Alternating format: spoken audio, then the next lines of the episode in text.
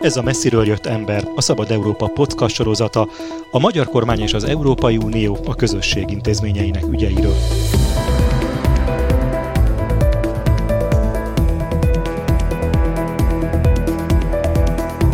Célunk, hogy ne csak az EU erőközpontjaiból hazatérő magyar politikusok beszámolóiból ismerhessük meg a fejleményeket, döntéseket és viszonyokat, hanem objektív és független képet alkothassunk állandó brüsszeli tudósítónk Gyévai Zoltán segítségével.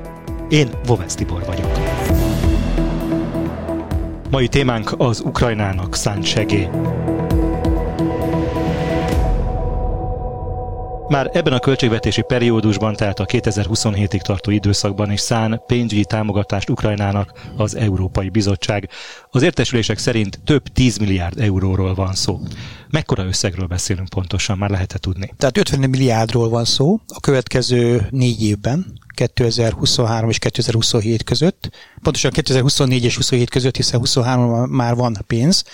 Talán emlékszünk arra, hogy 2022 decemberében milyen nagy viták folytak, magyar kormány is részt vett ebben, hogy Ukrajnának adja nekem még plusz 18 milliárd eurót, és az a vita csak arról szólt, hogy egy évre vonatkozon ennyi pénzt akkor lehetett ezt már tudni, mikor nem is beszéltünk nagyon róla, hogy miután csak egy évre szólt, és itt a, a konfliktus az el fog tartani még évekig, újra, ráadásul Ukrajna helyreállítására, újjáépítésére is kell pénz, hogy itt sokkal nagyobb összegekről lesz szó, és ez most úgy néz ki, hogy ez 50 milliárd euró lenne a négy évre, de azt azért hozzá kell tenni, hogy ez nem mind, sőt a nagyobb része ennek kölcsön, amit elvileg, hangsúlyozom elvileg, Ukrajnának majd vissza kell fizetnie honnan teremtik meg a fedezetet erre? Hiszen egy költségvetésnél az ember azt gondolná, hogy az előre ki van számolva benne minden fillér.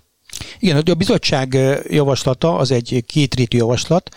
Egyfelől lenne visszanemtétendő támogatás, amit, ami az úgy teremtenék meg a pénzügyi mozgásteret, hogy a költségvetésen, a költségvetési plafonon, ugye van egy költségvetési plafon mindig, ez általában nemzeti költségvetésében is van, afölött vannak bizonyos olyan eszközök, pénzügyi eszközök, amelyek a tagállamoknak a plusz befizetésein alapulnak. Ilyenek De a... úgy tudom, hogy ez egy plafon nélküli eszköz lenne majd. Van hat ilyen eszköz, ez a hetediként bekerülne egy ilyen ukrán tartalék, nevezzük ukrán tartaléknak, és az azt jelenteni, hogy a tagállamoknak kellene plusz befizetést eszközölniük alapvetően, illetve vannak még saját forrásai a költségvetésnek, de azok is elenyészőek a tagállami plusz befizetéshez képest. Ez az egyik része, ez a kisebbik része egyébként.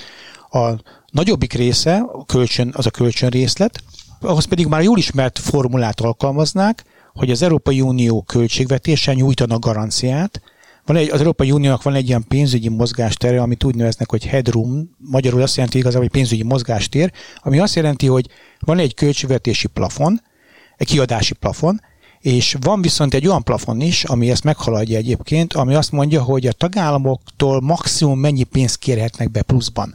És a kettő között van egy mozgástér, ez elég nagy egyébként, és ezt a mozgásteret használnak ki az Európai Bizottság arra, hogy ezzel, a, ezzel által nyújtott garanciával kimenjen a piacokra, fölvegyen kölcsönt az ukránoknak, és ezt továbbadja nekik. De az előbb említetted, hogy nem csak egy ilyen hitel része van ennek a kölcsönnek, hanem olyan része is, amit a tagállamoknak kellene összeadniuk.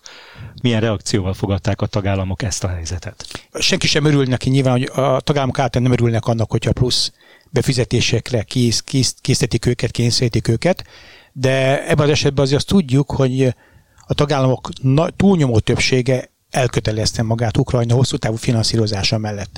Tehát, hogyha kicsit az újba is kell majd harapniuk, le fogják nyelni ezt a, ezt a részét. Mikor arról beszélek, hogy a tagállamok túlnyomó többsége, akkor persze élek a gyanúperrel, hogy mondjuk a legkevésbé boldog talán éppen a magyar kormány lesz emiatt, hiszen tudjuk, hogy már korábban is voltak ezzel problémái, és én arra számítok, hogy hát tekintettel a szélesebb kontextusra is, emlékezünk csak arra, hogy, a magyar kormány még mindig várja a pénzeket Brüsszelből, a feltételeket ugye teljesíteni kellene ehhez, ehhez, és nyilván ilyen értelemben újabb kiadási kötelezettségeket fölvállal, miközben nem kapod a pénzeket, nyilván ez meg fogja nehezíteni majd a kormány dolgát, és élek a gyanúperrel, az Orbán kormány ezt azért érvként fogja majd használni, mikor a tárgyalások zajlanak erről, hiszen most a következő hónapokban egy-egy csak javaslat, a tagállamoknak ezt el kell fogadniuk. Érzékeltessük, hogy mekkora ez az összeg, amiről itt beszélünk. Tehát ez a 30-50 milliárd euró, Ez mekkora mondjuk a Magyarországnak szánt támogatásokhoz viszonyítva? Azt tudom mondani erre, hogy a Magyarország számára a 7 éves keretköltségvetés, ami 2021 és 2027 között fut, illetve a koronaválság alap, amit ugye ideglenesen hoztak létre, ez együttesen papíron Magyarország számára több mint 40 milliárd eurót jelentett volna 7 évre vonatkozóan. Tehát amikor arról beszélünk, körülbelül hasonló összegről beszélünk, nagyjából nagyságrendileg négy évre Ukrajnának annyi pénzt szállnának, mint amit Magyarország hozzáférhetett volna, egy kicsit talán többet is, a 7 év alatt. Tegyük hozzá, ebben az összegben benne van az is már, amit majd Ukrajna újjáépítésére az Európai Uniós költségvetéséből szánnak. Hiszen nem ez lesz az összes pénz, amit, a, amit Ukrajna kapni fog majd az Európai Uniótól, tagállamaitól, hiszen a tagállamok majd külön is fognak hozzájárulni, meg a bankok is ugye a különböző hiteleken keresztül az IMF, hogy összejön egy olyan nagy csomag az Egyesült Államok és más országok is, amely tényleg képes lesz majd Ukrajnának a, meg tudjuk, hogy mikor újjáépítését finanszírozni. Azt említetted, hogy ha emiatt hozzá kell nyúlni ennek a ciklusnak a költségvetéséhez, akkor az a magyar kormány számára valamilyen előnyt jelenthet.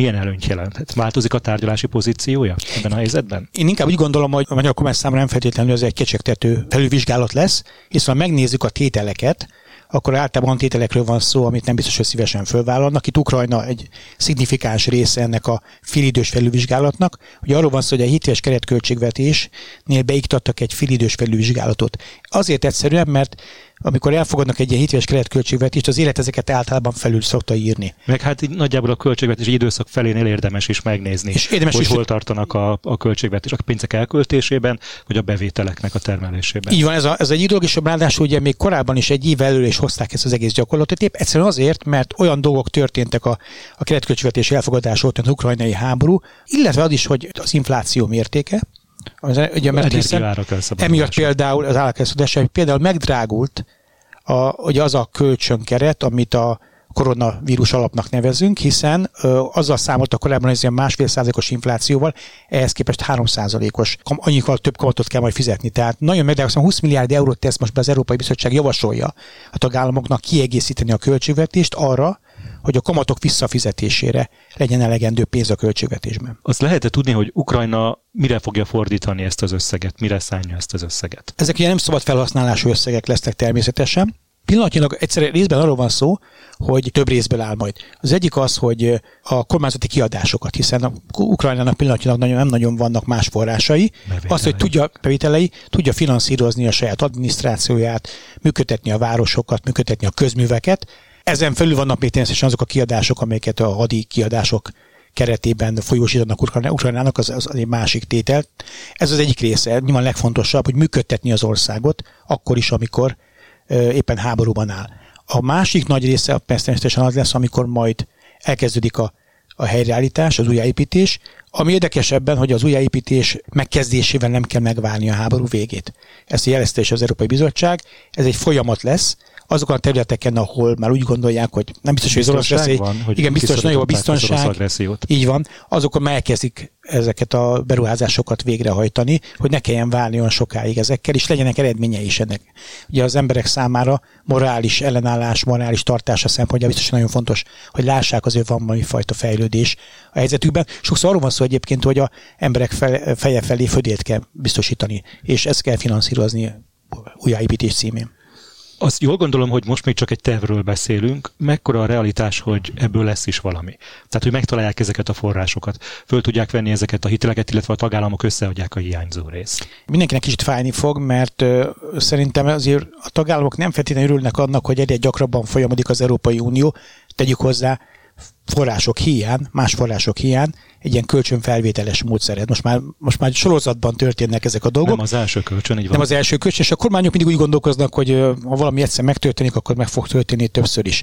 Másfelől az, hogyha alkalmazzák ezeket gyakrabban, akkor a kormányok is elfogadják szép lassan, hogy ez a normális élet Gyakorlattá válik. Így És a harmadik ö, fontos dolog, hogy azért a legtöbb országban hangsúlyozom, hogy az egy alapvető politikai célnak számít, hogy ezt a Ukrajnát nem szabad elengedni, nem szabad elengedni, és ezt a háborút Ukrajna nem veszítheti el.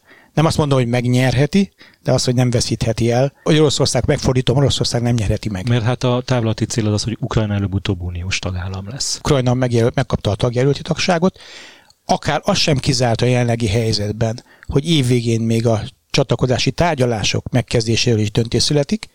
Ez most ebben a pillanatban nagyon távolinak tűnik, de nézve a dinamikát, elnézve az elmúlt évek dinamikáját, hihetetlen mértékben felgyorsult ez a folyamat.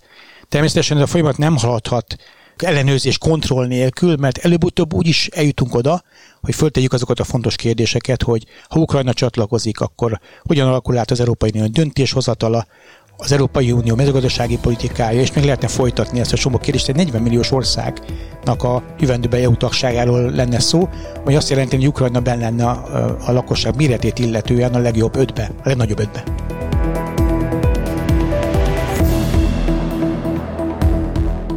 Állandó brüsszeli tudósítónkkal Gyévai Zoltánnal beszélgettem, én Bovesz Tibor vagyok, köszönöm figyelmüket!